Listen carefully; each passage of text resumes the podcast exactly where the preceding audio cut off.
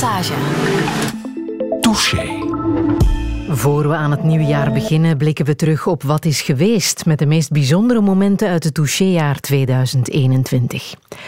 Ik vraag mijn gasten elke zondag naar alles wat hen raakt in het leven. Vaak zijn dat gebeurtenissen die in het geheugen zijn blijven hangen, maar dat kunnen ook levenswijsheden zijn, films, boeken en muziek. We houden de lijstjes allemaal bij op onze website radio1.be. Vorige zondag kon je al luisteren naar het eerste deel van ons jaaroverzicht. In het tweede deel hoor je marathonloper Bashir Abdi, auteur Anne Kramer, jonge ondernemer Senne Misplon, neuroloog Steven Laurijs, rector Luc Sels, journaliste en schrijfster Fleur van Groningen en ons literair geweten Luc Korevits. Een zeer goedemorgen. Houd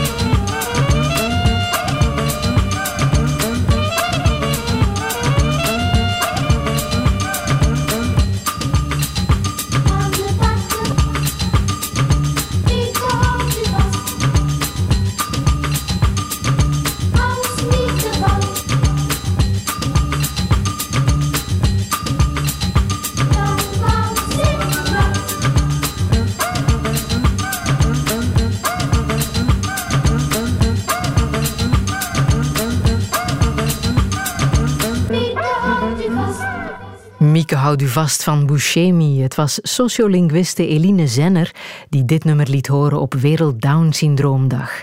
Haar dochter Adeline leerde praten dankzij dit nummer. Maar ze droeg het ook op aan haar oudste zoon, die bugel speelt. Want ook al gaat er veel aandacht naar kinderen met het syndroom van Down, ook zij die zorg dragen verdienen applaus.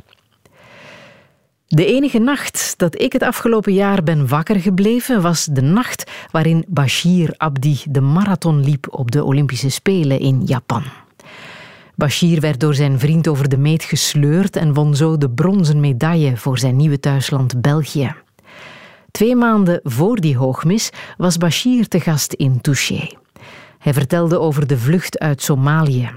Het was zijn moeder die de weg naar België plaveide en hier vier jaar lang op haar man en kinderen zat te wachten. Ik vroeg hem wat voor iemand zijn moeder precies was.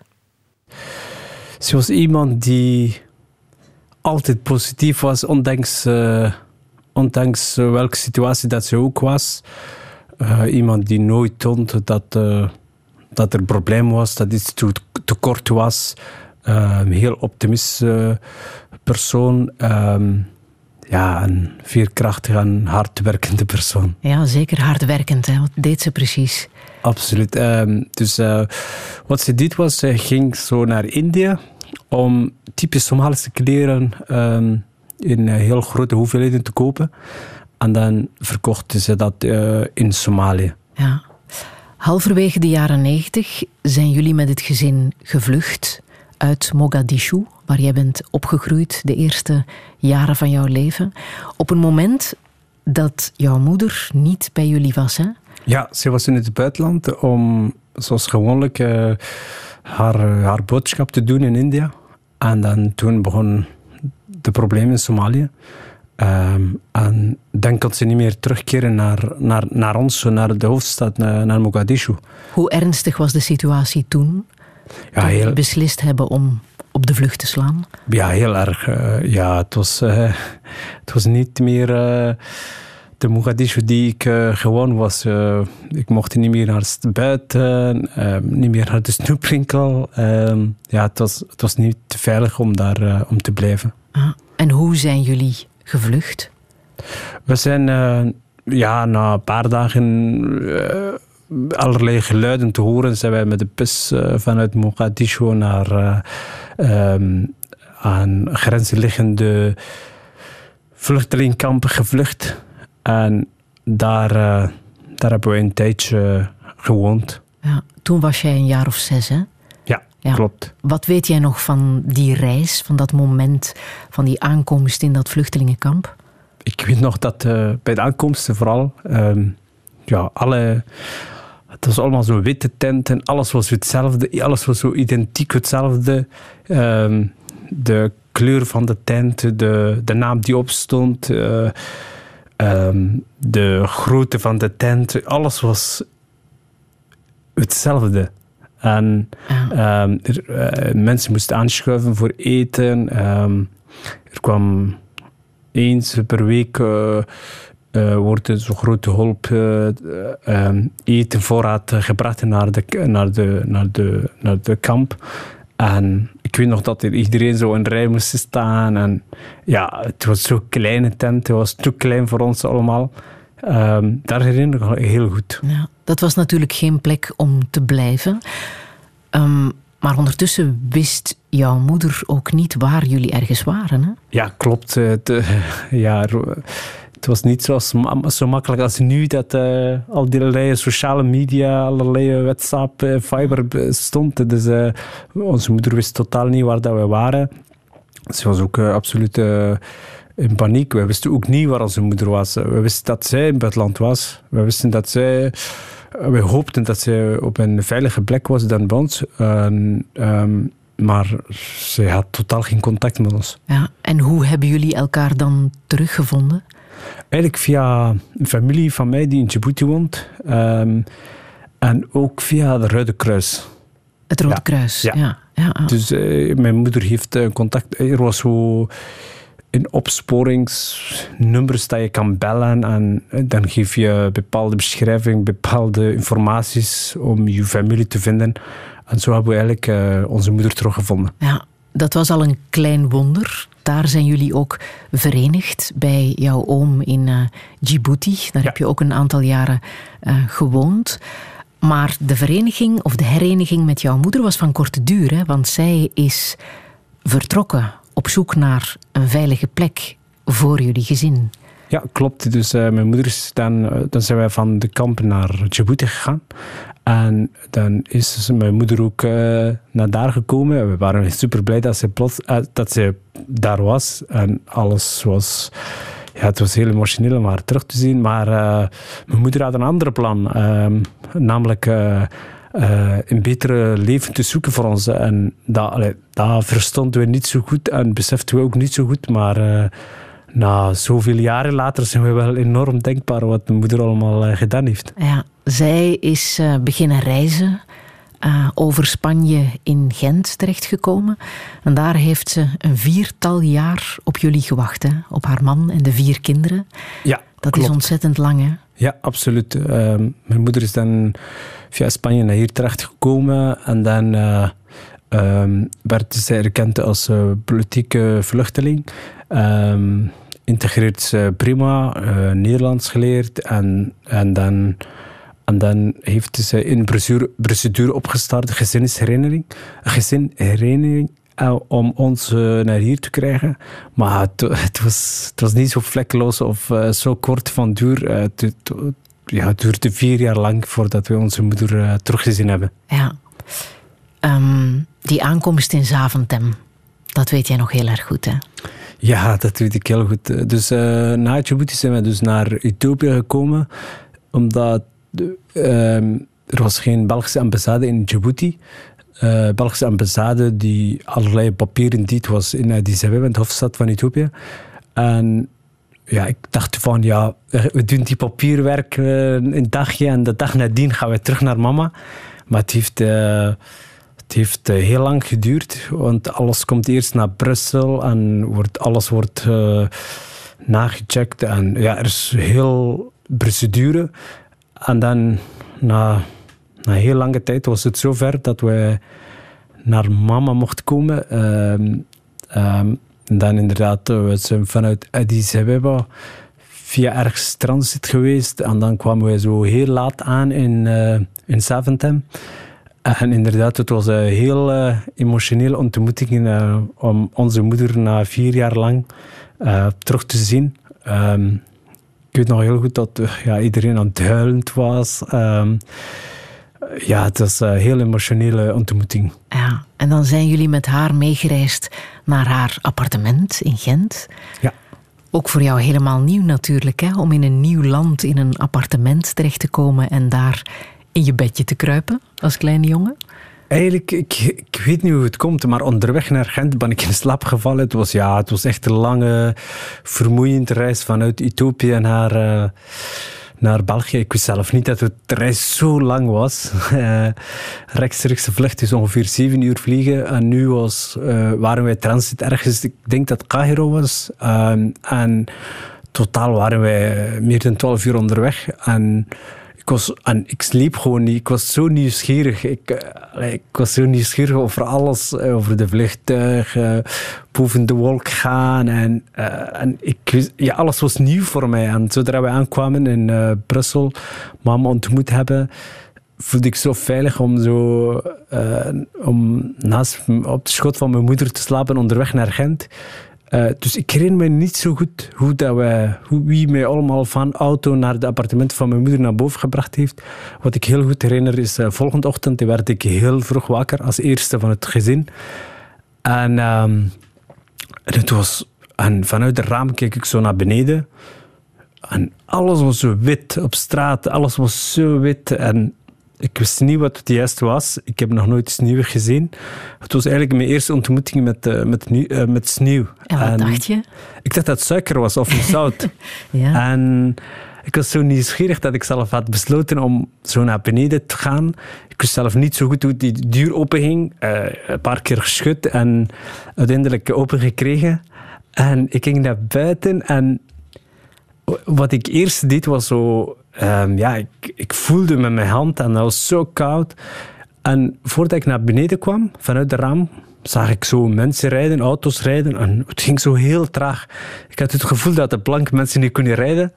Maar uh, dat kwam gewoon door de sneeuw. En, en dan kwam ik naar buiten en dan pak ik vast met mijn hand. En dan, dat is het moment dat ik eigenlijk besefte dat geen zout of suiker was.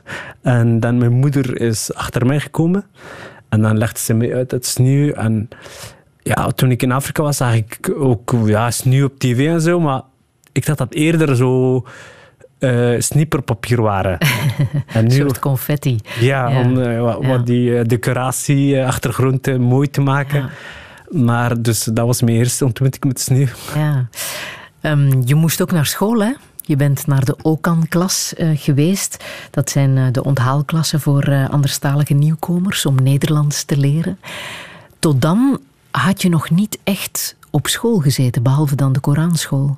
Ja, dus klopt. je moest echt nog alles leren. Ja, dat klopt. Na een week Gent te zijn, uh, werden we ingeschreven bij, uh, werden we ingeschreven bij Viso Gent, um, bij de onthaal voor uh, andertalige nieuwkomers. En toen in Somalië inderdaad, het was eerder ja, Koranlessen. Um, school, mijn twee oudste broer ging naar school en zo, een Somalische school waar de um, wiskunde, Somalische taal en zo geleerd werd. Maar ik was nog niet zo ver om nog naar, uh, naar school te gaan. Daar uh, in Somalië, zelf nu, onderwijs is iets dat er nog heel veel werk is. Ik denk dat één op de drie kinderen um, naar school gaat. Um, en dat zijn informaties die ik zelf, in, toen ik in Ethiopië was op stage, te weten gekomen ben uh, bij de minister van Onderwijs in Somalië. Dus, en toen was er nog erger. Dus naar school gaan was iets dat niet gewoonte was daar. Ja. Jouw leraar in de OCAN-klas was Peter Vervaat. En dat is de man die ook nu jouw levensverhaal heeft opgeschreven. Hè? Hoe ja. bijzonder is dat, dat hij jou is blijven volgen? Heel bijzonder. Dus na een week in Gent te zijn, uh, kwam ik... Uh, uh, kwam ik in contact met Peter en meneer Peter. En ja, het was, hij was ook heel jong toen. Echt, nu heeft hij een beetje grijze haar en zo. Maar toen, ik herinner nog heel goed, hij was, maar, hij was net klaar met de hogeschool.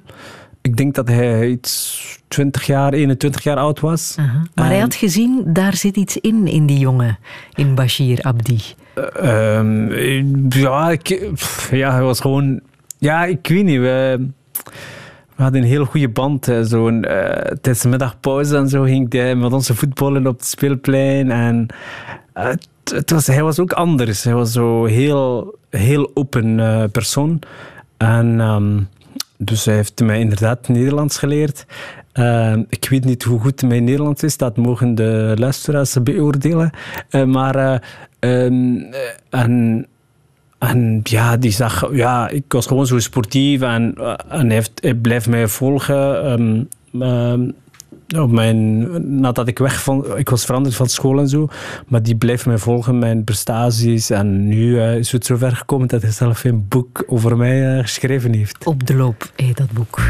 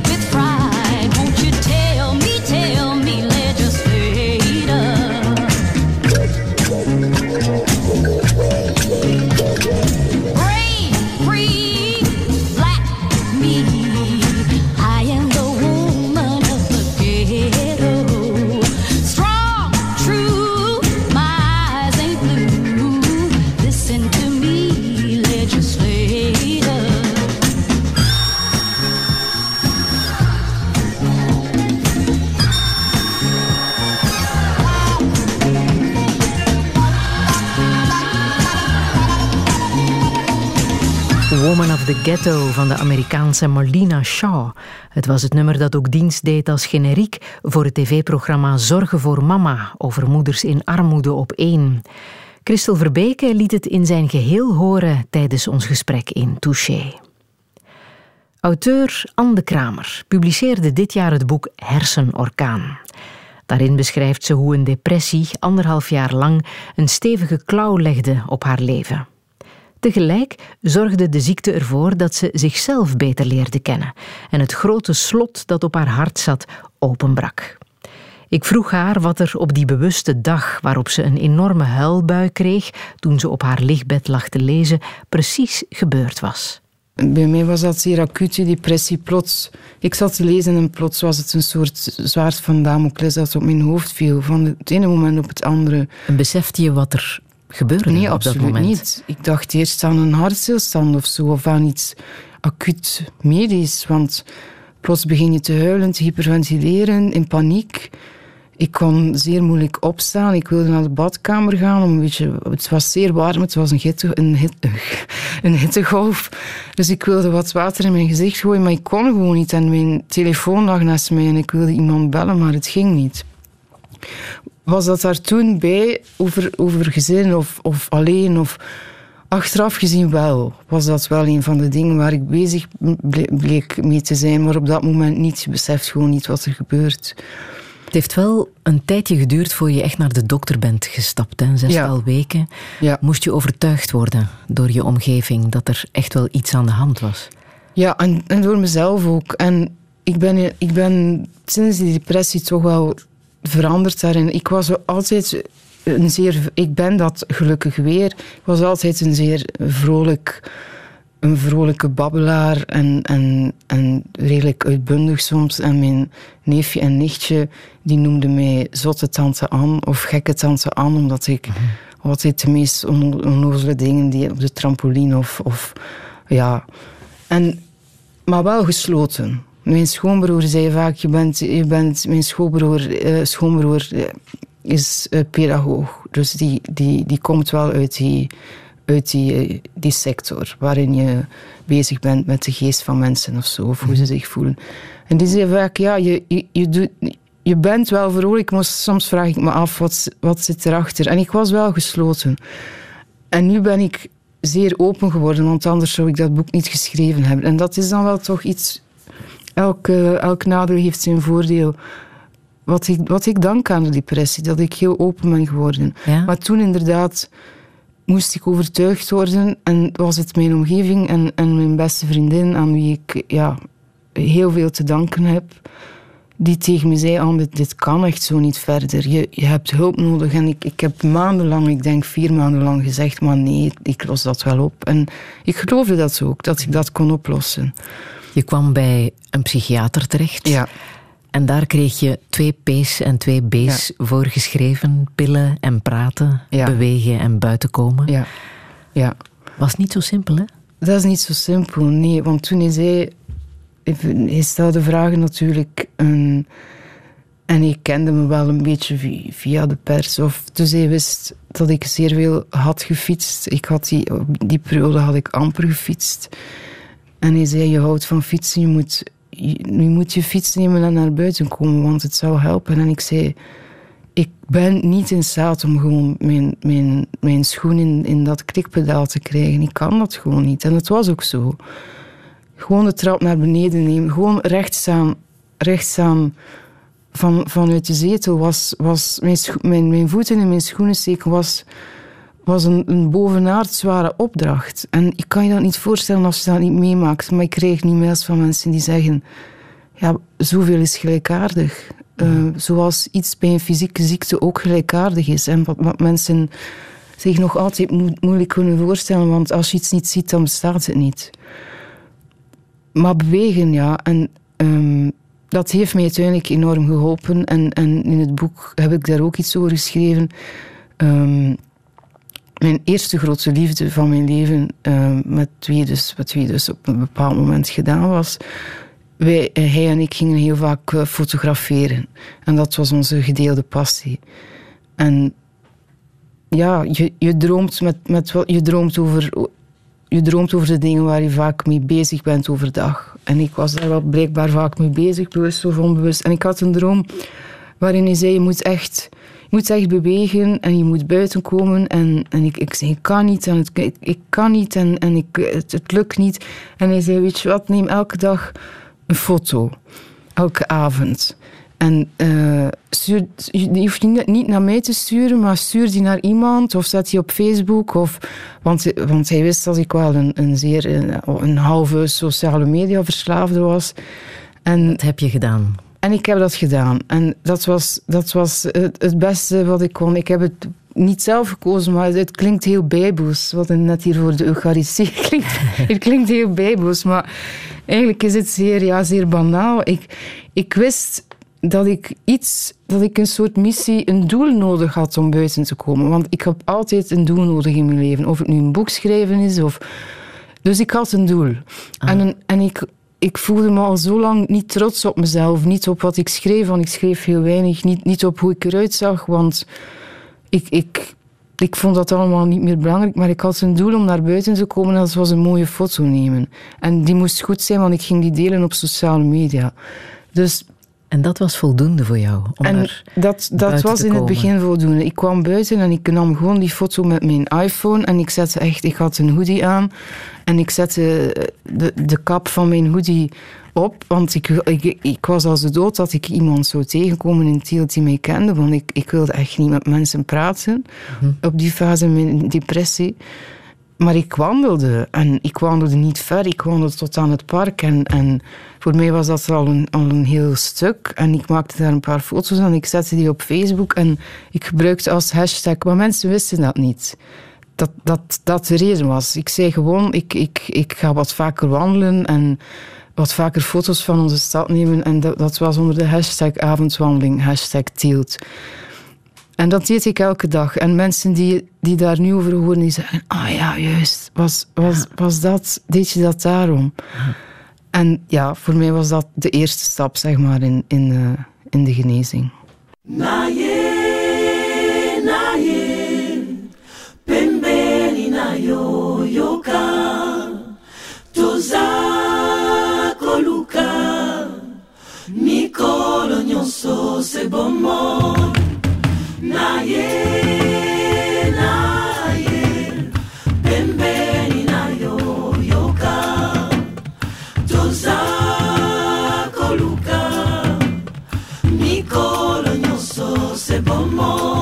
Kolo yoka minulu na ngai jodia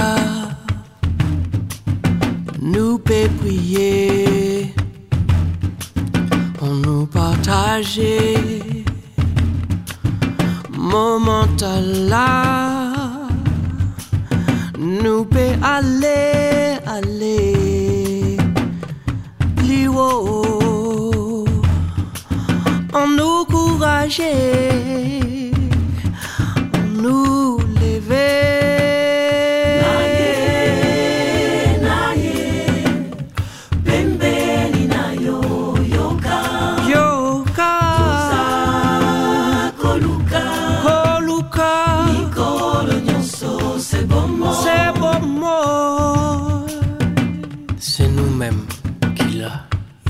bantu bandeko mwende na luku ndilonge motema bikania na bato basenge muni ya luku na nginya mwela te na bato bablababla endolo balika na balaki limbani yoka na manu. Elokoluka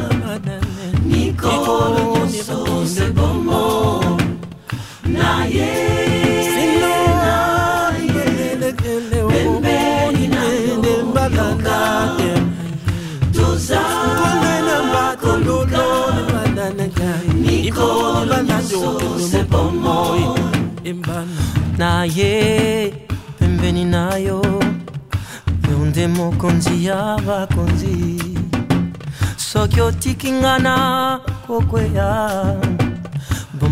mokili ezali pamba kolo. Na ye na ye na ye pembeni na yo yoka. Yokanga. Toza koluka. Mikolo nyonso. Mikolo nyonso se yo nde nkolo. Na ye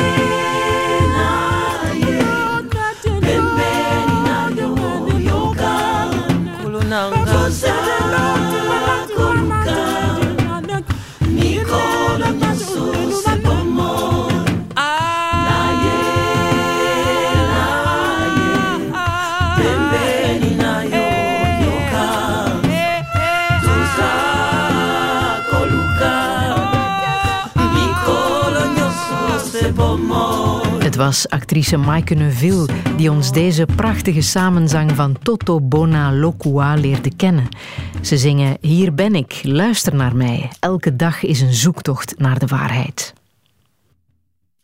De missie van Senne Misblom, woordvoerder van Wel Jong Niet Hetero, is om de hele maatschappij op alle mogelijke manieren te onderwijzen in het volledige landschap van gender en seksuele diversiteit. Dat doet hij via lezingen en webinars, maar ook door zijn eigen verhaal over zijn levensnoodzakelijke beslissing te delen. Senne is een transman. Ik vroeg hem hoe het was om in transitie te gaan en de fysieke overstap te maken. Mm, ik moet daar zelf nog even over nadenken. Omdat voor mij, zoals ik net- daarnet ook zei, die sociale transitie is voor mij, dat is niet zo in een vingerknip van en nu weet iedereen het. Ehm, dat is heel geleidelijk gegaan. Maar dat had je nodig om de fysieke transitie te beginnen. Ehm, ja, ik, maar vooral ook omdat ik wou ook niet wachten tot, tot die fysieke transitie. Ik ben scène los van hoe mijn lichaam ehm, eruit ziet of zo. En ik wou ook al zo, zo aangesproken worden. Ja. Ehm, en ook, ja, ik stond op de wachtlijst van het genderteam. Die wachtlijst was toen maar een half jaar. Nu is het al anderhalf jaar geworden. Ehm, ja, een mens kan ook niet blijven wachten of zo. Want ik denk, het moment dat ik dat telefoontje heb gedaan naar het genderteam van hoi, ik, eh, ik wil hier hulp krijgen. ehm, toen had ik eigenlijk al de stap gezet van kijk, dat, ik wil hier echt voor gaan. Ik wil hier echt hulp, hulp voor zoeken. Dus ik denk dat ik dan eigenlijk al die stap heb, heb gezet, zo eind zesde middelbaar. Maar het heeft dus wel nog ja, bijna een jaar, een goed jaar geduurd, voordat ik iedereen ehm, op de hoogte bracht, als ik het zo mag zeggen. Ja. Ja. Het meest belangrijke moment, als ik dat goed heb, Mhm. was denk ik jouw eerste testosteronspuit. Klopt dat? In die transitie? Of, Ja, ja. Ehm, ja, ik heb, ik heb wel dat gevoel, want ehm, voor mij was een fysieke transitie, allee, voor alle duidelijkheid, niet iedere trans- en non-binaire persoon heeft de nood om fysiek eh, in transitie te gaan. Maar voor mij was dat, was dat heel belangrijk, omdat ik had ook het gevoel dat eh, mijn stem bijvoorbeeld, eh, die toen heel, eh, of eerder hoog was, ik was al vrij hees, maar ehm, ja, mensen bleven mij toch maar zien als vrouw. En ik, ik voelde mij daar zo, zo slecht bij, iedere keer als iemand mij aansprak met, met mevrouw of, of als meisje, dat ik merkte van die testosteronspuit, dat gaat alles veranderen. Ging dat zo snel? Nee. Veel te traag bij wijze van spreken naar, naar eh, mijn goesting, maar eh, ja, dat was toch wel een... Dat was eigenlijk een, een moment waarop ik wist, nu wordt alles beter of zo. Mhm. En hoe heb je dat dan ervaren, die veel te trage verandering van jouw lichaam?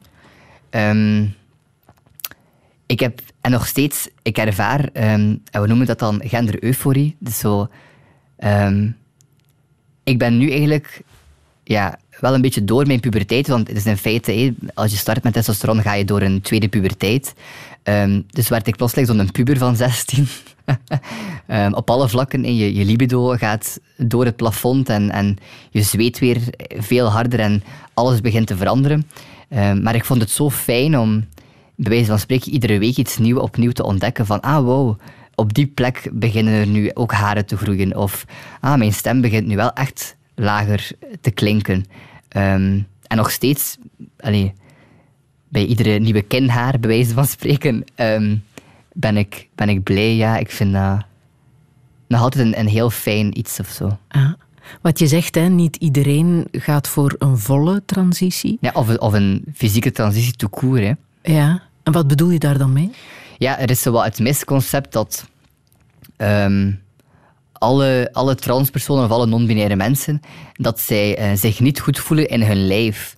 Ehm, ik heb zoiets, of, of ook gewoon een fysieke transitie kunnen hebben. Want we mogen niet ontkennen, naast ehm, het feit dat dat ongelooflijk veel kost, hè, ehm, en dat niet iedereen die financiële, ehm, ja, hoe moet ik zeggen, financiële Middelen heeft. middelen heeft, heeft ook niet iedereen de omgeving om dat te kunnen doen. Maar ten derde, niet iedereen, ja, als je je goed voelt in jouw lichaam, waarom zou je dat stukje of jouw lichaam te koer dan veranderen? Als je bijvoorbeeld geen genderdysforie, noem- noemen we dat dan, geen genderdysforie ervaart ehm, over jouw borstkas, waarom zou je dan een borstoperatie ondergaan? Ehm, Dat moet niet. Nee, want het kost ongelooflijk veel geld, maar het kost ook ehm, heel veel risico. Dat, dat, zijn geen, eh, dat zijn geen operaties of, of behandelingen die je even snel, snel, snel eh, doet of zo. Eh, en En, dat is, is al- het, is het een geoorloofde vraag om aan jou te vragen hoe ver ben jij gegaan? Ehm, ja, die, die, die vraag impliceert al zo een, eh, een precedent. Allee, hoe moet ik dat zeggen? Zo een, eh, ja, alsof, het, al- alsof er een, een, een reeks bestaat of een volledig plaatje bestaat. Ehm, maar momenteel, ja, ik vind dat geen probleem om daarop te antwoorden. Momenteel heb ik eh, wel al een borstoperatie ondergaan. Ik heb geen baarmoeder en eierstokken meer, dus ik heb een hysterectomie ondergaan. Maar ik heb nog niks van geslachtsoperatie ehm, eh, ondergaan, ook omdat ik... Ja, de wacht, er is ook een wachtlijst, hè. dat is vijf jaar, die wachtlijst. Ehm, maar het kost ook ongelooflijk veel geld. En vooral, ehm, het is mij het risico niet waard, momenteel. Eh, de wetenschap staat al ongelooflijk ver. Allee, die kunnen ongelooflijk veel dingen al, chirurgen, eh, en urologen ook. Maar het is niet al. En ja, ik, ik kan dan... Het is een beetje kiezen tussen de cholera en de pest of zo. Allee, hoe moet ik het zeggen? Bij wijze van spreken ervaar ik wel genderdysforie wat betreft ehm, mijn geslachtsdeel, maar eh, het weegt niet op tegen de torenhoge risico's die een geslachtsoperatie met zich, eh, met Ja. zich meebrengen of zo. Ja. Dus voorlopig denk ik dan, ja, how about no? De kosten Mhm. heb jij zelf gedragen. Daar stond je op. Je wou het absoluut zelf kunnen betalen. Mhm. Hoeveel heb je ondertussen uitgegeven? Amai, ik wil, ik wil daar zelf niet over nadenken, maar Is het waar? als ik... Allee, je moet, je moet rekenen van... Allee, ik, ik heb bijvoorbeeld nu al twee operaties ondergaan, dus iedere operatie is gemiddeld eh 1000 euro eigen bijdrage. Ehm, ik heb ook bijvoorbeeld die, die, eh, mijn eicellen laten invriezen. Dus daar kom ik ook sowieso aan, aan een kostprijs van, ja, nu... eh, ik mag ook wel een goede 2000 euro waarschijnlijk daaraan gegeven hebben. En dan vergeten we nog ook niet mijn eh, levenslange testosteronbehandeling. Ehm, Want je zit voor de rest van je leven aan vast. de ja. medicatie. Ehm, ja, ja, want mijn, mijn lichaam maakt dat, maakt dat zelf niet aan. En ik, eh, heb, een varia allee, ik heb een soort testosteron ehm, die 120 euro per drie maand kost. Dus ik denk dat ik een hele mooie auto kan kopen op het einde van mijn leven, mocht ik, eh, mocht ik dat niet moeten bekostigen. Maar bon, ja, ik, ik zie het persoonlijk als een beetje een... Het, dat is hier raar, het kopen van een beetje geluk of zo. Eh, of ook van een leven of zo, want voor mij is dat ja, nu zeker levensnoodzakelijk.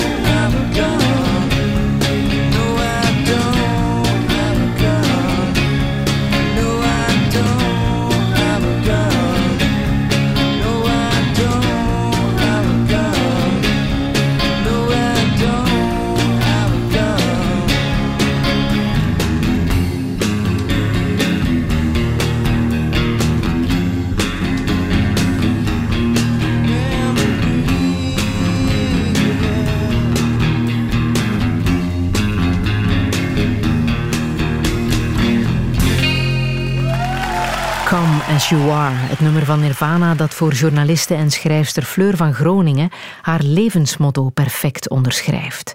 Volg je intuïtie, wees wie je bent, wees trouw aan jezelf.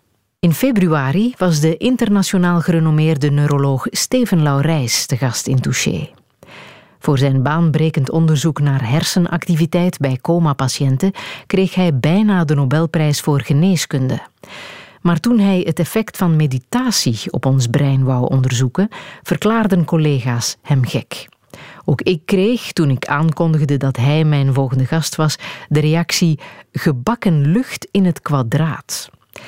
Ik vroeg hem dus hoe hij zelf naar meditatie keek voor hij er zich in specialiseerde dat is wel een straffe uitspraak. Weinig genuanceerd, laat me zeggen. Gebakken lucht in het kwadraat dan nog wel. Um, maar inderdaad, ik herinner me een journaliste die Goh, uh, kort na mijn uh, verdediging van mijn thesis, doctoraatsthesis uh, over bewustzijn 2000 de vraag stelde, wel wat denk jij over mindfulness? En, en dat ik dat toen niet als gebakken lucht, maar toch een beetje snel heb afgedaan. Ja, als iets dat me toen niet overtuigde en ook waar de wetenschappelijke studies voor mij onvoldoende waren om het, om het ja, serieus te nemen. En dat kan je niet langer ja, eh, beweren. Ik denk dat er nu zoveel studies zijn hè, uh, die aantonen dat meditatie ja, een, een, een meerwaarde kan zijn. En, um, Want hoe ben je er zelf aan begonnen, aan meditatie? Ja, ook opnieuw door, door een heel moeilijk moment, 2018. Uh, wat zeg ik nu? Uh, een uh, acht jaar uh, geleden, ja, acht jaar geleden. Uh, je ziet, ik heb weinig geslapen. Je gaat me moeten in toog houden. Waar ik er ineens alleen voor stond met de, met de drie kleine kinderen. En ja, dat, dat, dan valt de, de hemel op je kop. Hè. Dan, dan ehm, zat ik te piekeren van, van hoe, hoe, hoe moet dat nu? Hè? Wat gaat er nu gebeuren? En hoe is het zover kunnen komen? En um, dan liet me dat niet toe van, van, van de slaap te vatten. En dan neem je slaappillen, um, ga je drinken, rookte ik veel. En, en uh, was het al heel snel heel duidelijk dat dat voor de drie kinderen niet uh, het goede voorbeeld was. En was het via yoga dat ik dan... Um, ja, toch uh, andere manieren heb gevonden. En dan het jaar erna, 2013, uh, een ontmoeting met Mathieu Ricard in Parijs op een TEDx, die toch heel belangrijk was, waar hij zegt wel, ik nodig je uit om mee op retraite te gaan. En daar heb ik ja, een, een fantastische nieuwe wereld leren kennen. Ja. Mathieu Ricard is een uh, dokter in de moleculaire biologie, ook uh, boeddhistisch monnik, die mee heeft gewerkt aan jouw uh, onderzoek over meditatie. Um, over meditatie wordt heel veel gezegd en zo omschrijf je het ook in een boek. Wat het vooral niet is. Hè. Meditatie is geen religie, het is niks zweverigs, het is uh, geen origami. maar wat is het wel? ik denk dat het gewoon mentale gymnastiek is. Hè. Zoals gezegd, wat aandacht hebben voor wat er tussen je oren gebeurt, voor dat stemmetje in je hoofd, die gedachten, die percepties, die emoties. En daar is het ook een beetje ja, ironisch bijna dat ik als uh, onderzoeker naar dat menselijk bewustzijn zo lang heb gewacht hè, om, om het te leren kennen, om het aan den lijve te, te ondervinden. Want inderdaad, je kan er over lezen, je kan met mensen praten, maar uiteindelijk moet je het gewoon doen. Hè. En, um... Is het een soort herprogrammeren van je hersenen, die terug tot rust brengen om ja, in alle rust opnieuw naar de dingen te kijken? Ik hou niet zo van het woord herprogrammeren. Hè. We, we, het, het uh, impliceert een beetje dat we ons, ons brein en, en, en die, die, die gedachtenstroom gaan vergelijken met een computerprogramma. Ik denk dat dat, dat, dat niet opgaat. Um, het is gewoon een, een, een, uitnodiging om um, ja, aandacht te hebben voor, voor wat er. Uh, gebeurt, die, die, die inderdaad mentale ervaringen.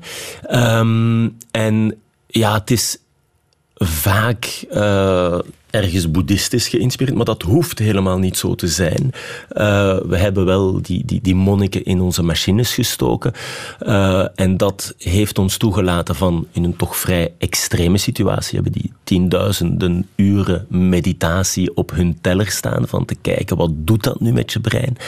Maar uiteraard, en dat is natuurlijk de grote boodschap, je moet geen monnik worden. Uh, jij en ik, we kunnen er ook de positieve effecten van, van meepikken. En het is dus, ja, uh, net zoals we uh, wat aandacht hebben of zouden moeten hebben voor ons lichamelijk welzijn. Hè. Met z'n allen bewegen we waarschijnlijk te weinig en dat we uh, gaan via allerlei manieren proberen meer, meer te wandelen, te sporten. Ja, net hetzelfde te doen, maar dan voor je mentale welzijn. Je bent een groot voorstander van meditatie op school, in gevangenissen, misschien zelfs bedrijven, omdat het ons ook veel kan opleveren? Ja, eigenlijk uh, maakt, het, maakt het deel uit van, van ons leven. Hè. Uh, uh, je maakt een groot deel van je tijd door in je hoofd. Dus maak er een goede, fijne plek van, schrijf ik in het boek. Uh, dus dat is gewoon zo. En um, ja, ik, ik, ik probeer daar mijn, mijn steentje bij te dragen om, om dat uh, te, te promoten. Uh, ik vind het heel bijzonder dat ik als zorgverlener er niks heb over geleerd. Hè. Ik word verondersteld van voor anderen te zorgen, maar ik heb ten eerste nooit echt geleerd om voor mezelf te zorgen. Um, om op de moeilijke vraag van hoe gaat het, hè, daar, daar een antwoord op te formuleren. Wel, hoe voel ik me nu echt en hoe voel jij je en hoe kan ik uh, beter naar je luisteren met empathie, met compassie. Dus uh, ja, ik vind echt dat dat meer aandacht vraagt. We hadden het net over mijn, mijn scheiding en, en ja, natuurlijk sta ik daar niet alleen. Uh, helaas is het zo dat meer dan de helft hè, uh, van, van de Vlamingen, van, van de huwelijken, van de relaties. Uh, niet stand houdt. En dan zeker als er kinderen zijn, vind ik dat misschien niet zo evident. En, en waarom? We hebben nu op school aandacht voor seksuele vorming noemde dat in der tijd. Hè. Leren jongeren van met een condoom om te gaan en niet zwanger te worden en zo verder. Maar uh, waarom niet meer aandacht hebben gewoon voor relaties ook? Hè? Uh, dus opnieuw, hoe voel ik me? Hoe voel jij je? En, en uh, we, we, moeten het maar een beetje uitvinden. hoe, hoe, hoe in, in zulke relatie, wat absoluut niet evident is, hè, met een partner, uh, dag in dag uit. En, en ja, ik denk dat we daar nu meer over weten en misschien meer moeten over leren, ook aan jongeren.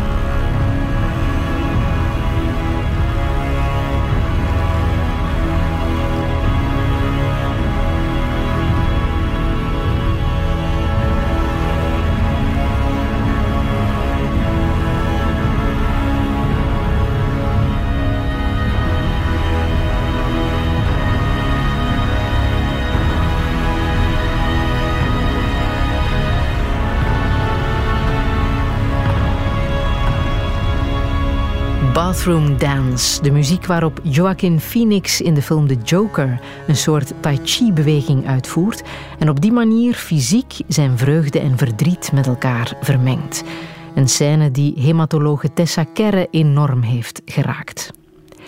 Zometeen hoor je nog rector Luxels, journaliste en schrijfster Fleur van Groningen en de gewezen directeur van Behoud de Begeerte, Luc Korevits.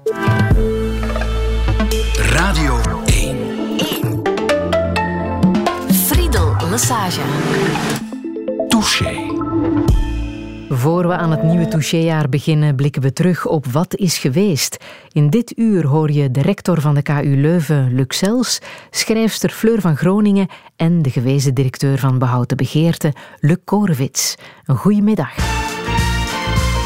One ticket, please. Lord have mercy, everybody's here. Hey, what's going on, man? Yeah, she's at home. Yeah, she's at home. Yeah, she's at home.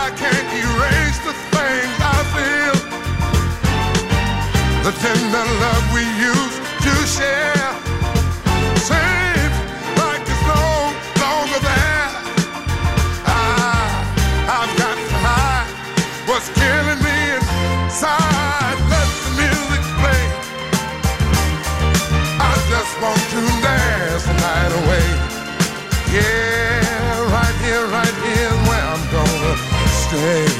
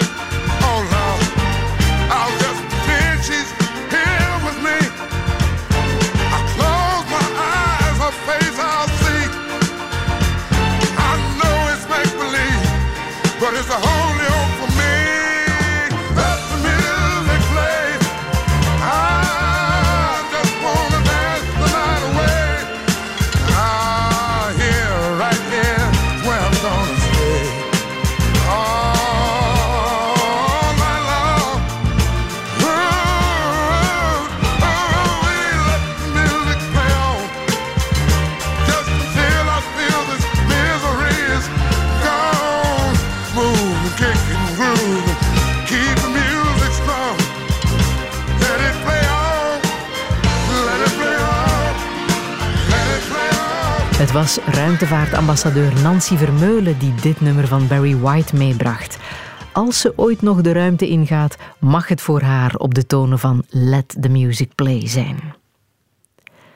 Bij het begin van het academiejaar, eind september, was rector Luxels te gast in Touché. Zijn eerste mandaat verliep niet over rozen.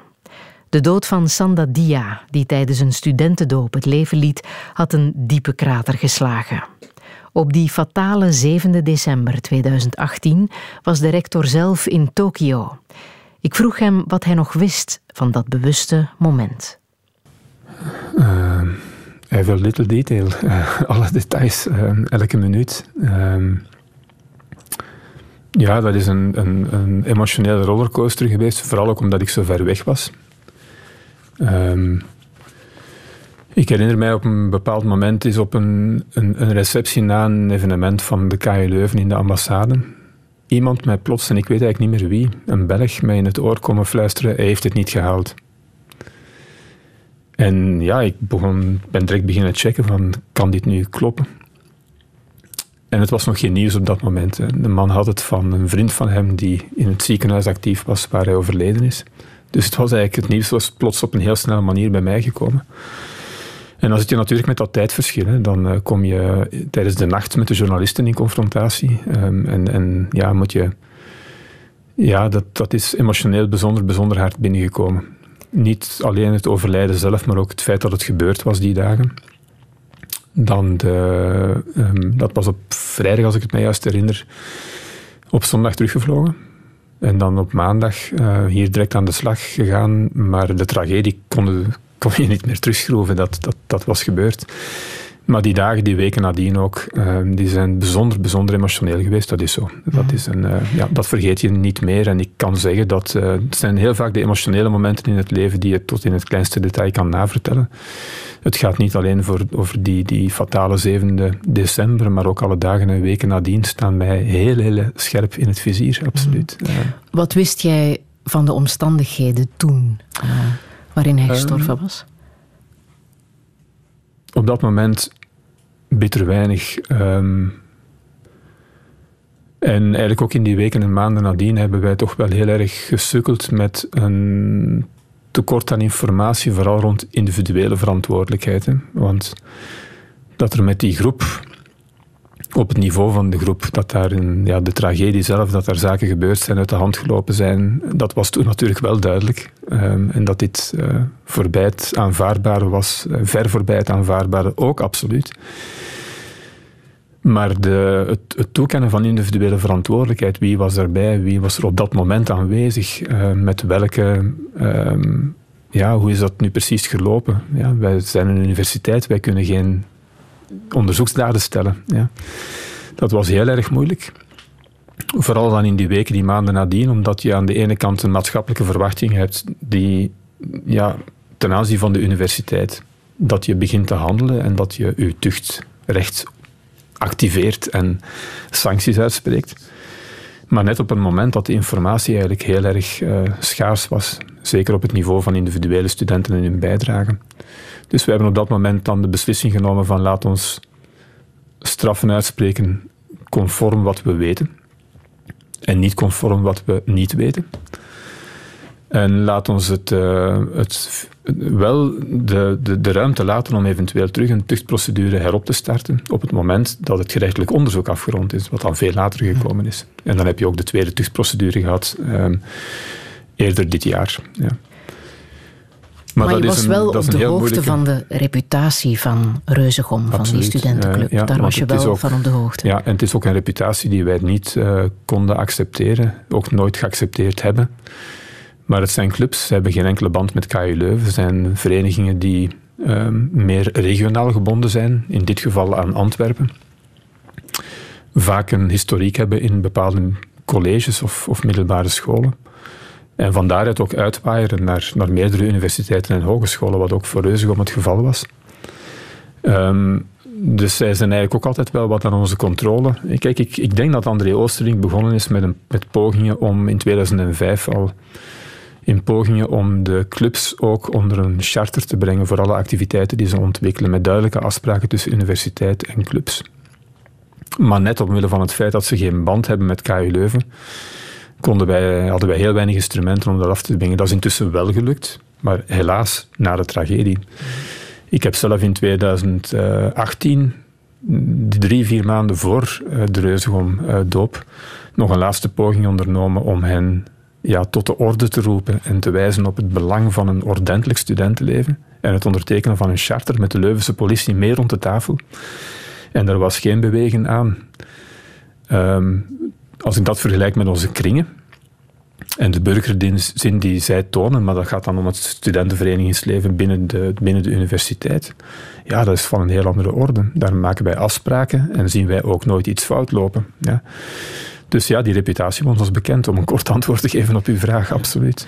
Nu, er is zeer veel kritiek gekomen hè, op ehm, de universiteit, hoe jullie hebben gereageerd en hoe de reuzengommers aanvankelijk werden gestraft met die paper en met die werkstraf. Pas later eh, werden ze effectief eh, geschorst. Als je dat nu bekijkt, wat heb je daar zelf uit, uit geleerd? Ehm, mag ik enkele punten aanhalen? Want ik moet zeggen, dat is, zeggen wat ik daaruit geleerd heb. Kijk, het blijft een heel erg moeilijk onderwerp om over te praten. Ehm, telkens opnieuw.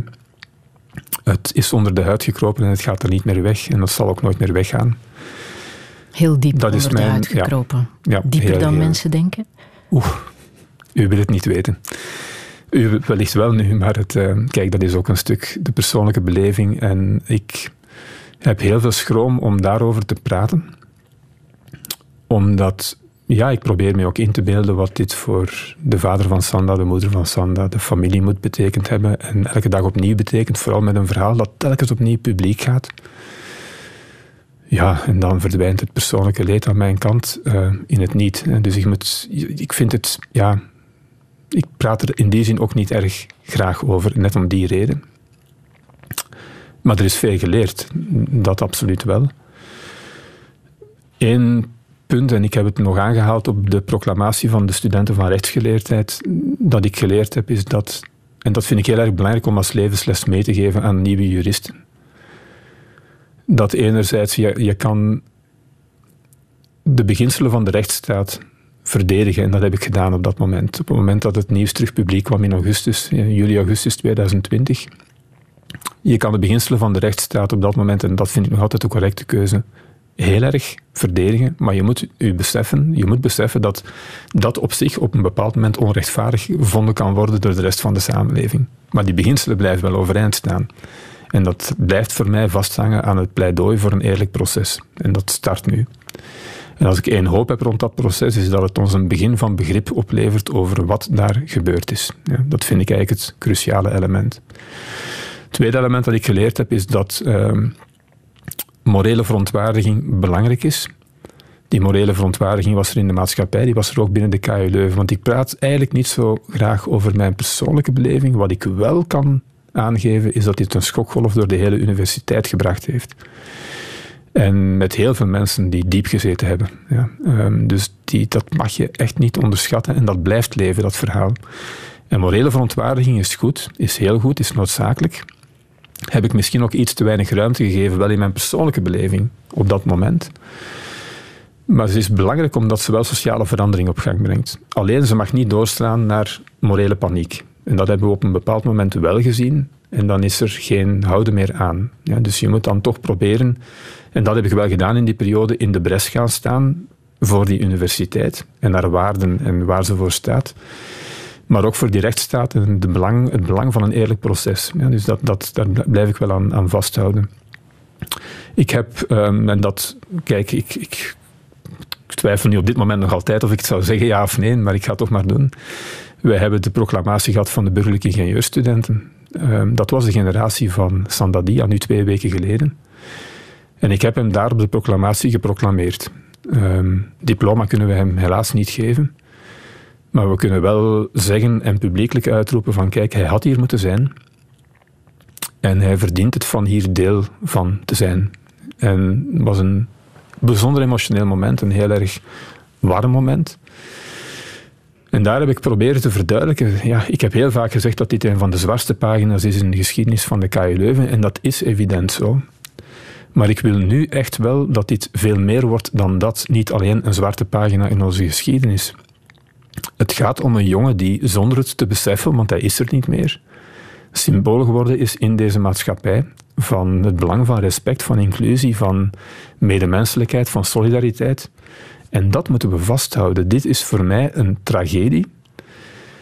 Een persoon die intussen een mens en met bijzonder veel vrienden, een warme persoon, zoals ik nu van zijn vrienden ook wel geleerd heb de voorbije jaren, maar die we als symbool moeten levendig houden. En da- daar werken we momenteel aan. Alleen geef ik dat wel wat tijd, omdat ik daar geen enkele stap in zet, zonder de goedkeuring van de familie en de vrienden.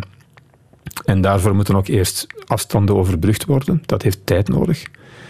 En op het juiste moment, zodanig dat het niet midden in een proces komt of niet te vroeg en als recuperatie wordt gezien. Het moet gaan om de waarden die hij nu mee symboliseert.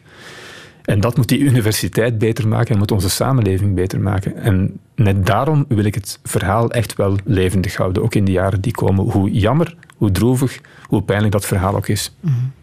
De vader van Sandadia miste steun van de universiteit.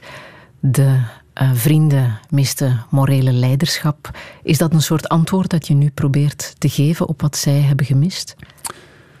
Mm, Kijk, als ik nu zeg nee, dan gaat dat fout overkomen. Als ik zeg ja, dan gaat het wellicht ook fout overkomen. Het, het, eh, ik heb eigenlijk op elk moment bijzonder, bijzonder veel respect gehad voor wat zij over de universiteit en over mij ook gezegd hebben. Ik ben daar ook nooit in het defensief gegaan, omdat ik vind dat dat niet hoort. Er is een beleving aan hun kant die ik niet meer kan wegnemen. Ehm, vind ik die correct? Ik vind dat bijzaak. Ehm, het gaat om hun beleving en hoe zij aankijken ten aanzien van die universiteit. En ik heb uit die fase één zaak geleerd, dat is dat het tijd zal vragen om ja, elkaar terug te ontmoeten en het gesprek aan te gaan. Met de vrienden loopt dat momenteel excellent en dat zijn heel warme gesprekken. Ehm, maar ik breng dat liever niet, ik doe het nu wel hier op Touché, ehm, maar ik breng dat liever niet te vaak naar buiten. Ik vind dat, ja, kijk, het gaat om het herstel van percepties in de beide richtingen. Het gaat om het een plaats kunnen geven zonder te vergeten. Dat is heel moeilijk. Die twee, vooral de combinatie van de twee. Het gaat om respect hebben en respect houden. En ik moet zeggen, ik heb heel veel kritiek ehm, niet kunnen verdragen. Ik ehm, heb ook mijn limieten. Maar de kritiek van de vader van Sanda heb ik altijd aanvaard. Ehm, als er iemand.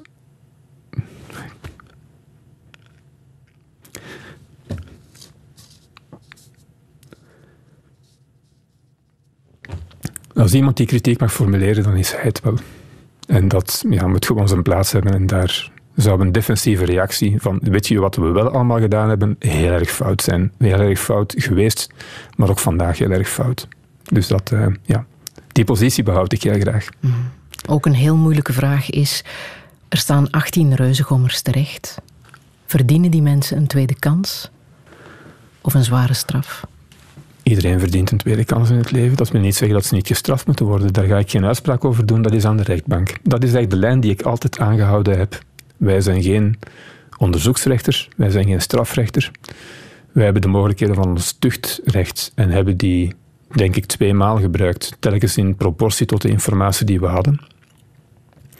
Is alle communicatie daar rond altijd juist geweest? Dat laat ik, in het, laat ik zelf niet in het midden, maar laat ik hier wel in het midden. Dat laat ik over aan het oordeel van anderen. Ik moet wel...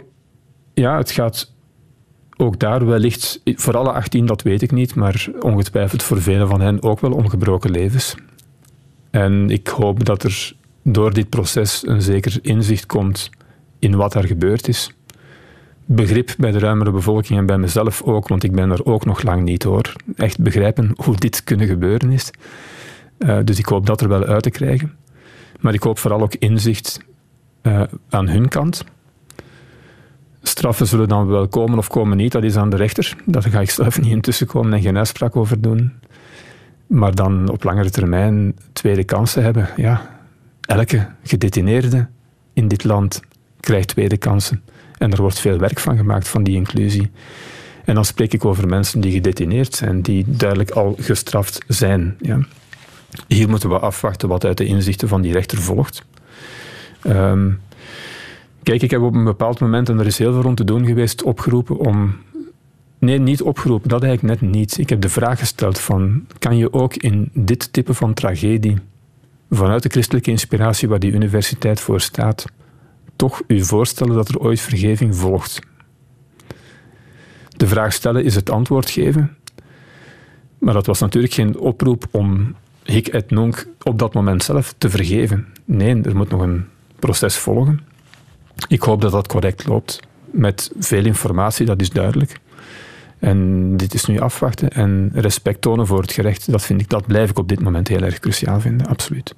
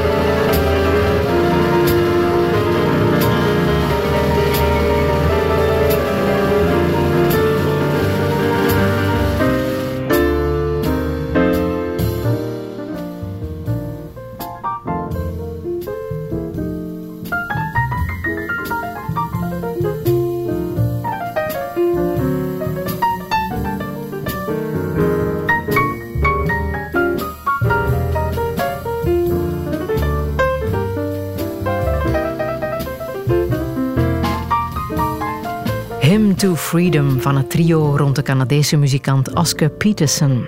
Cartoonist Lecter kreeg het nummer ooit doorgestuurd van een vriendin. Het raakte hem tot in het diepste van zijn vezels.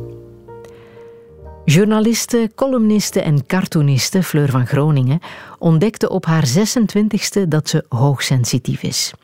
Een eigenschap die niet alleen vragen, maar ook veel antwoorden met zich meebracht. Antwoorden die ze neerschreef in de bestseller Leven zonder filter. Tot die tijd waren heel veel mensen over haar grenzen gegaan. Ze werd misbruikt en gepest en daarna sukkelde ze in een depressie. Dankzij de kennis over hoogsensitiviteit kan ze nu haar grenzen beter bewaken en gebruikt ze vooral de positieve eigenschappen. Er is ehm, eigenlijk van al heel vroeg in mijn leven is er heel veel over mijn grenzen gegaan door mijn omgeving. En als kind eh, overkomt het je, je trekt het niet in twijfel, het wordt de realiteit. En die realiteit ehm, die verankert zich in jou en later word je groter en blijft dat de, de maatstaf dat er over je grenzen wordt gegaan. En dat is iets. ehm, ja, ik, ik eh, heb nooit geleerd om, vroeger om voor mezelf op te komen, om, om het te verdedigen. Ik ben gepest geweest, eh, dat soort zaken. En ehm, ik heb ook een moeilijke gezinssituatie gehad. Dus ehm, dat is heel lang een probleem geweest. Grenzen aangeven, voor mezelf opkomen. En dus stond omgaan met mensen voor mij gelijk aan op een gegeven moment gebruskeerd worden. Ehm, dus ik, ik leefde ook conflictvermijdend zoveel mogelijk. Dus ja, sociale contacten was iets waar ik naar verlangde en tegelijkertijd ehm, heel veel stress door ondervond. En op welke manier werd je als kind gepest? Ik ben ehm, van in de kleuterklas gepest geweest tot het laatste, de laatste keer in, in het middelbaar eigenlijk. eh, De laatste, het zesde leerjaar. Eh, Het zesde middelbaar bedoel ik. Ehm, ik heb ook een keer gedubbeld, dus ik ben tot mijn negentiende eigenlijk gepest geweest. Er is één jaar geweest toen ik 16 was. Toen zat ik even in een, een kleine klas en ik zette een grote mond op. En toen stopte het een tijd. Maar in de volgende klas eh, veranderde de samenstelling, de, de kinderen. En toen eh, was het weer raak. En wat deden ze zoal met jou? Ehm, ja, ik werd natuurlijk uitgescholden, uitgelachen vanwege mijn uiterlijk, vanwege mijn persoonlijkheid. Ehm, want ik was anders dan de rest, eh, gevoelig, artistiek. Ehm, Hoe anders dan? Ik denk dat die hoogsensitiviteit zeker eh, meespeelde. Je, je bent, bent eh, kwetsbaarder dan, denk ik, als je niet weet hoe je daarmee moet omgaan.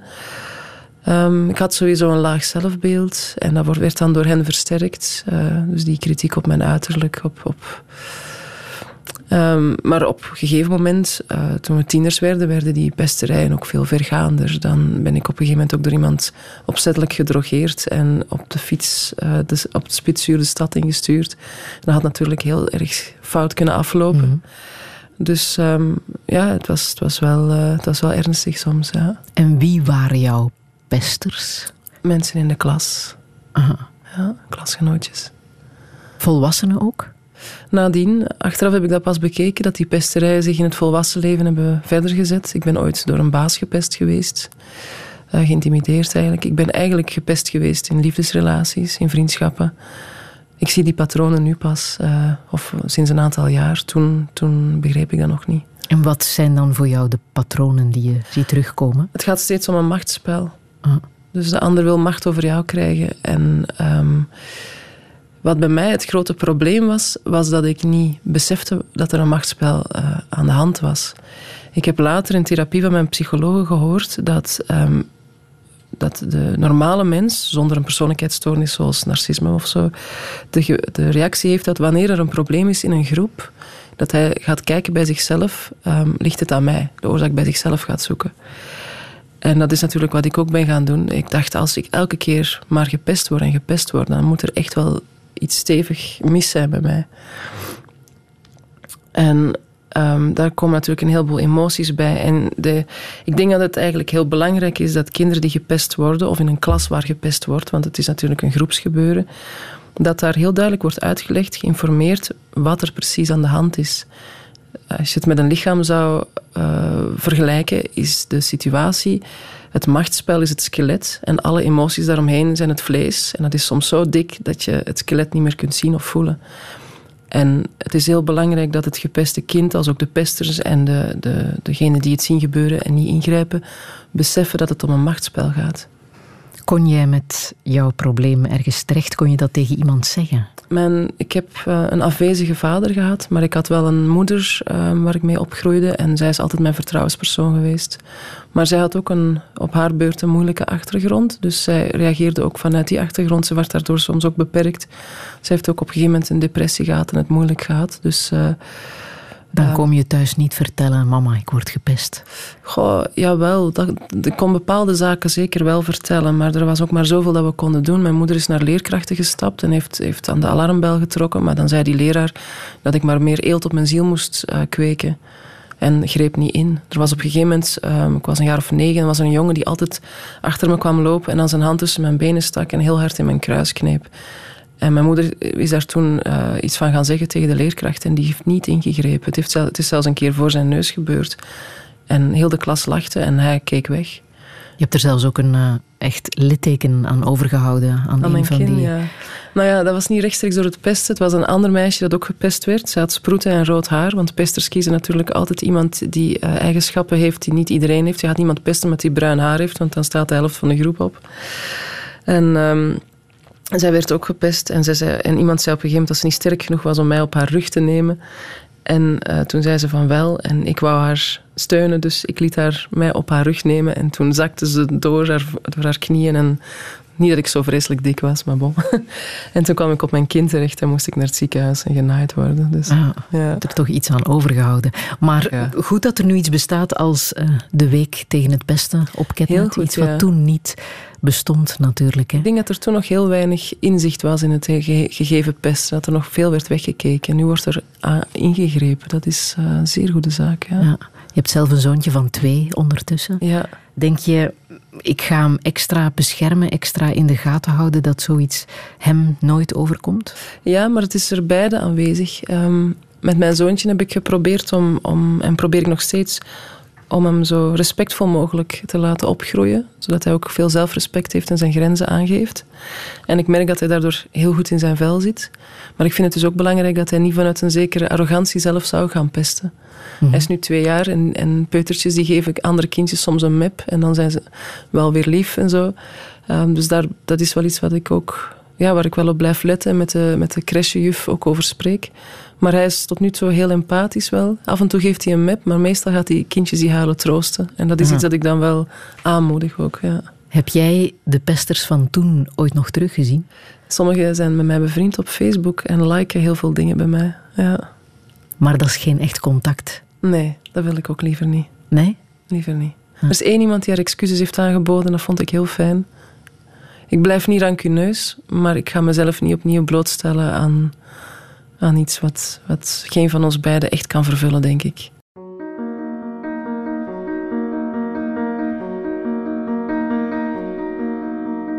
I don't know where this fear comes from.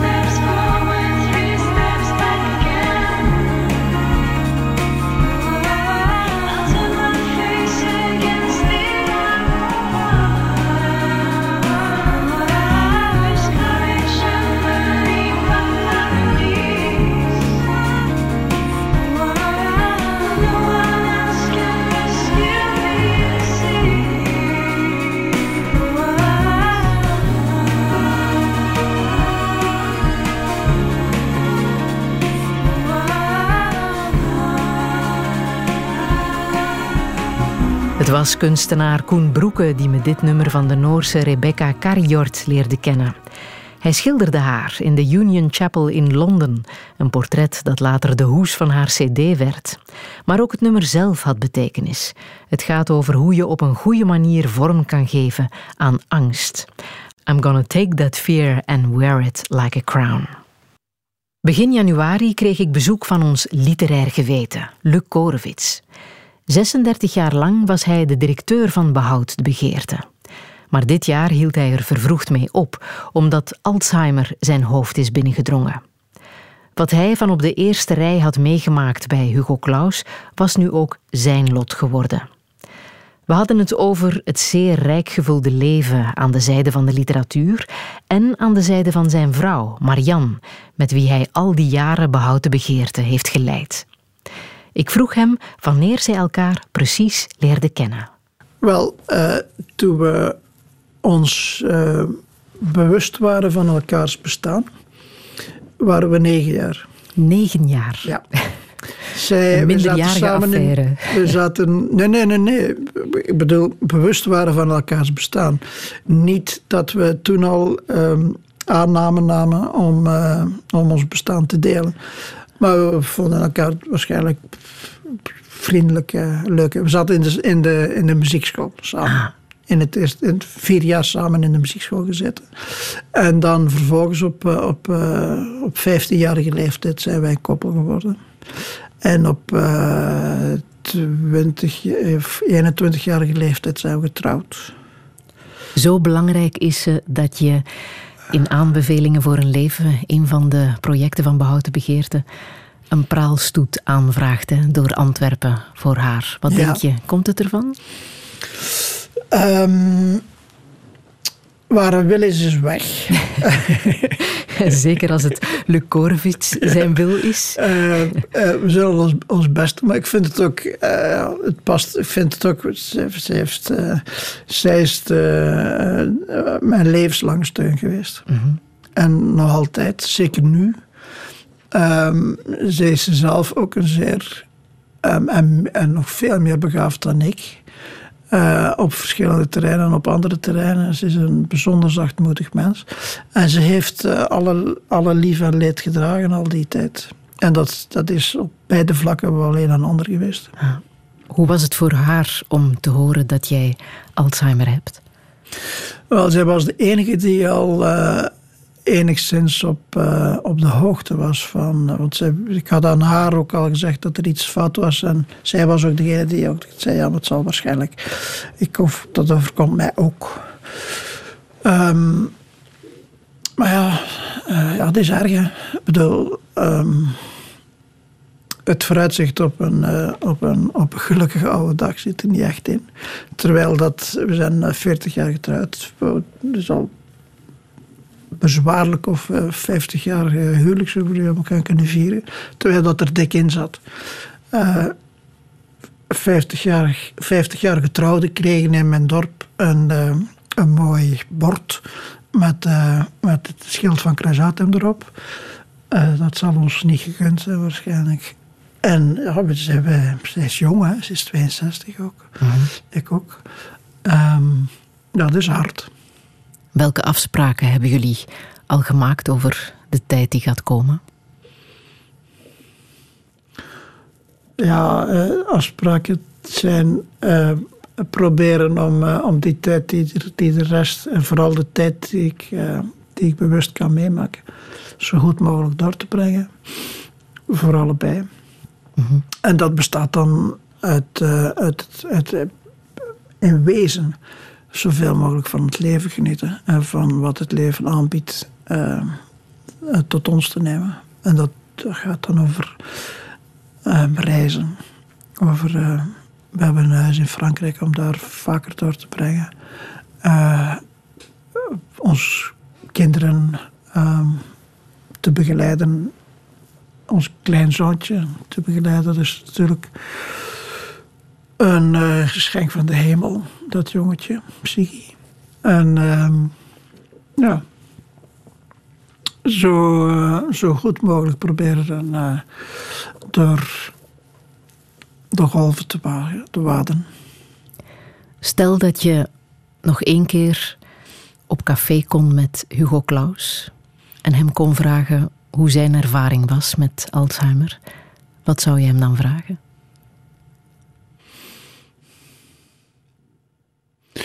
Ja, dat zou dan ook het eh, enige vlak zijn waar wij als gelijken met elkaar zouden kunnen spreken. Ehm, ik denk dat ik hem, eh, ehm, dat ik heel goed zijn, ehm, zijn dat ik kan vermoeden dat hij op het einde van zijn leven heel veel wanhoop heeft gehad. Ik weet ook dat hij op het einde van zijn leven gezegd heeft Uh, ik wist niet dat het zo lastig was om afscheid te nemen van het leven. Dat, uh, ik heb nu ook al vaker gezegd dat ik, niet wil, uh, dat ik de rit niet tot het einde wil doen. Maar dat is nu op dit moment eigenlijk nog gemakkelijk gezegd, vind ik. Het, het, punt, het moment zal er ooit komen dat ik ook zelf echt heel concreet die beslissing moet nemen. En die beslissing is misschien minder hard voor mij dan voor mijn familie, voor mijn vrouw en kinderen. Maar wat ik aan Klaus zou vragen is. Uh, nou, waarom hij heeft. Waarom hij zo lang gewacht heeft. Want hij was eigenlijk ook, vond ik, al redelijk ver in zijn ziekte. Uh, dat is een moeilijk proces geweest, ook door zijn omgeving. Uh, ik, ik, begrijp dat, dat mensen aan aan mensen in ons geval, mag ik nu wel zeggen, een mouw trekken om toch zo lang mogelijk uh, in het midden te blijven. Maar ik begrijp ook heel goed dat die, uh, dat, uh, die fierheid om, en die behoefte om de dood niet aan uw tenen te laten trekken groot is. Het was in 2003 dat hij tijdens Saint-Amour publiekelijk de controle over zijn woorden verloor. Hè? Dat heb jij meegemaakt in de Ik heb dat zo zeer naar coulissen. Er waren hele... Ja, Connie Palman en Jan Mulder stonden met mij in de coulissen. Um, wij zagen in één keer dat er iets fout uh, aan de hand was. En ja, we beslisten, hij moet van het podium gehaald worden. Ik wou dat niet doen, omdat ik vond dat... Uh, een, uh, een, kleine middenstander niet een kunstenaar van uh, de grootte van Klaus zelf van het podium komen halen. Ik, vond dat, ik, zou dat vernederend gevonden hebben voor hem en ook voor mij. En toen heeft Connie beslist eh, om hem te halen. En dan, eh, ook een onvergetelijk moment, is Rocco Granata het podium opgesprongen en is onmiddellijk in een, eh, een lied begonnen. Wat ik nog altijd... Dat was ook een tragisch iets. Rocco had er zich zeer op verheugd om die tournee met, eh, met Klaus te kunnen doen. En op de eerste voorstelling was hij al weg. Maar ik vond hem altijd zo stijlvol en zo grots van Rocco Granata dat hij ons uit de brand hielp. En dan vervolgens is dan, moest ik dan de beslissing nemen, wat nu? Eh, en wat twee mogelijkheden. Ofwel hem onmiddellijk in, eh, in Leuven, want wat is in Leuven gebeurd, naar een ziekenhuis brengen. Ofwel hem naar Antwerpen brengen. Dat is dan beslist om het, om het tweede te doen. Om hem in, naar, naar zijn, bij hem thuis bij Veerle te brengen.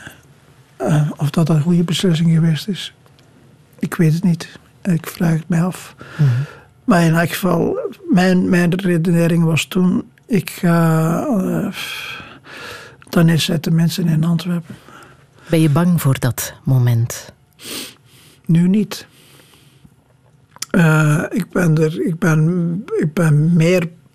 Nee, ik ben er eigenlijk niet meer. Nee. Ik zie daar niet tegenop. Omdat, het, eh, omdat ik het nog altijd een cadeau vind dat we dat kunnen doen. Ik vind het ook een, eh, een belangrijke verworvenheid van onze beschaving dat die mogelijkheid bestaat. Ehm, maar nogmaals, ik heb nu gemakkelijk spreken omdat ik nu nog alle facetten van het leven kan savoureren, maar dat zal verminderen. En die wil ik dan ook zoveel mogelijk benutten. Nog. Ja. Welke boodschap wil jij ons nog meegeven? Ik heb die boodschap al eh, geformuleerd in die, eh, in die video die ik gemaakt heb in eind december, op mijn laatste dag dat ik directeur was van, eh van Wouter Beert. En als je wil, kan ik, wil ik die nog eens lezen. Met plezier. Ah, wij zijn op aarde om te spelen. Dat is overigens een citaat van eh, Klaus zelf. Wij zijn op aarde om te spelen. Bewandel nooit de weg van de minste moeite. Leg altijd de lat iets hoger dan je zelf aan kan. Haal altijd en overal het onderste uit de kan. Laat perfectionisme geen scheldwoord zijn. Doe niet aan anderen wat je zelf niet wil aangedaan worden. Een oeroude, wellicht wat naïeve evergreen, die het leven in elk geval een hoop prettiger zou maken, mocht iedereen zich aan die regel willen houden. Koester vriendschap. Blijf trouw aan liefdes en geliefden. Wantrouw het gezond verstand. Verwelkom sluimerende dan wel uitslaande verliefdheden. Wees teder en onkuis. Vier het leven. Leef, leef, leef.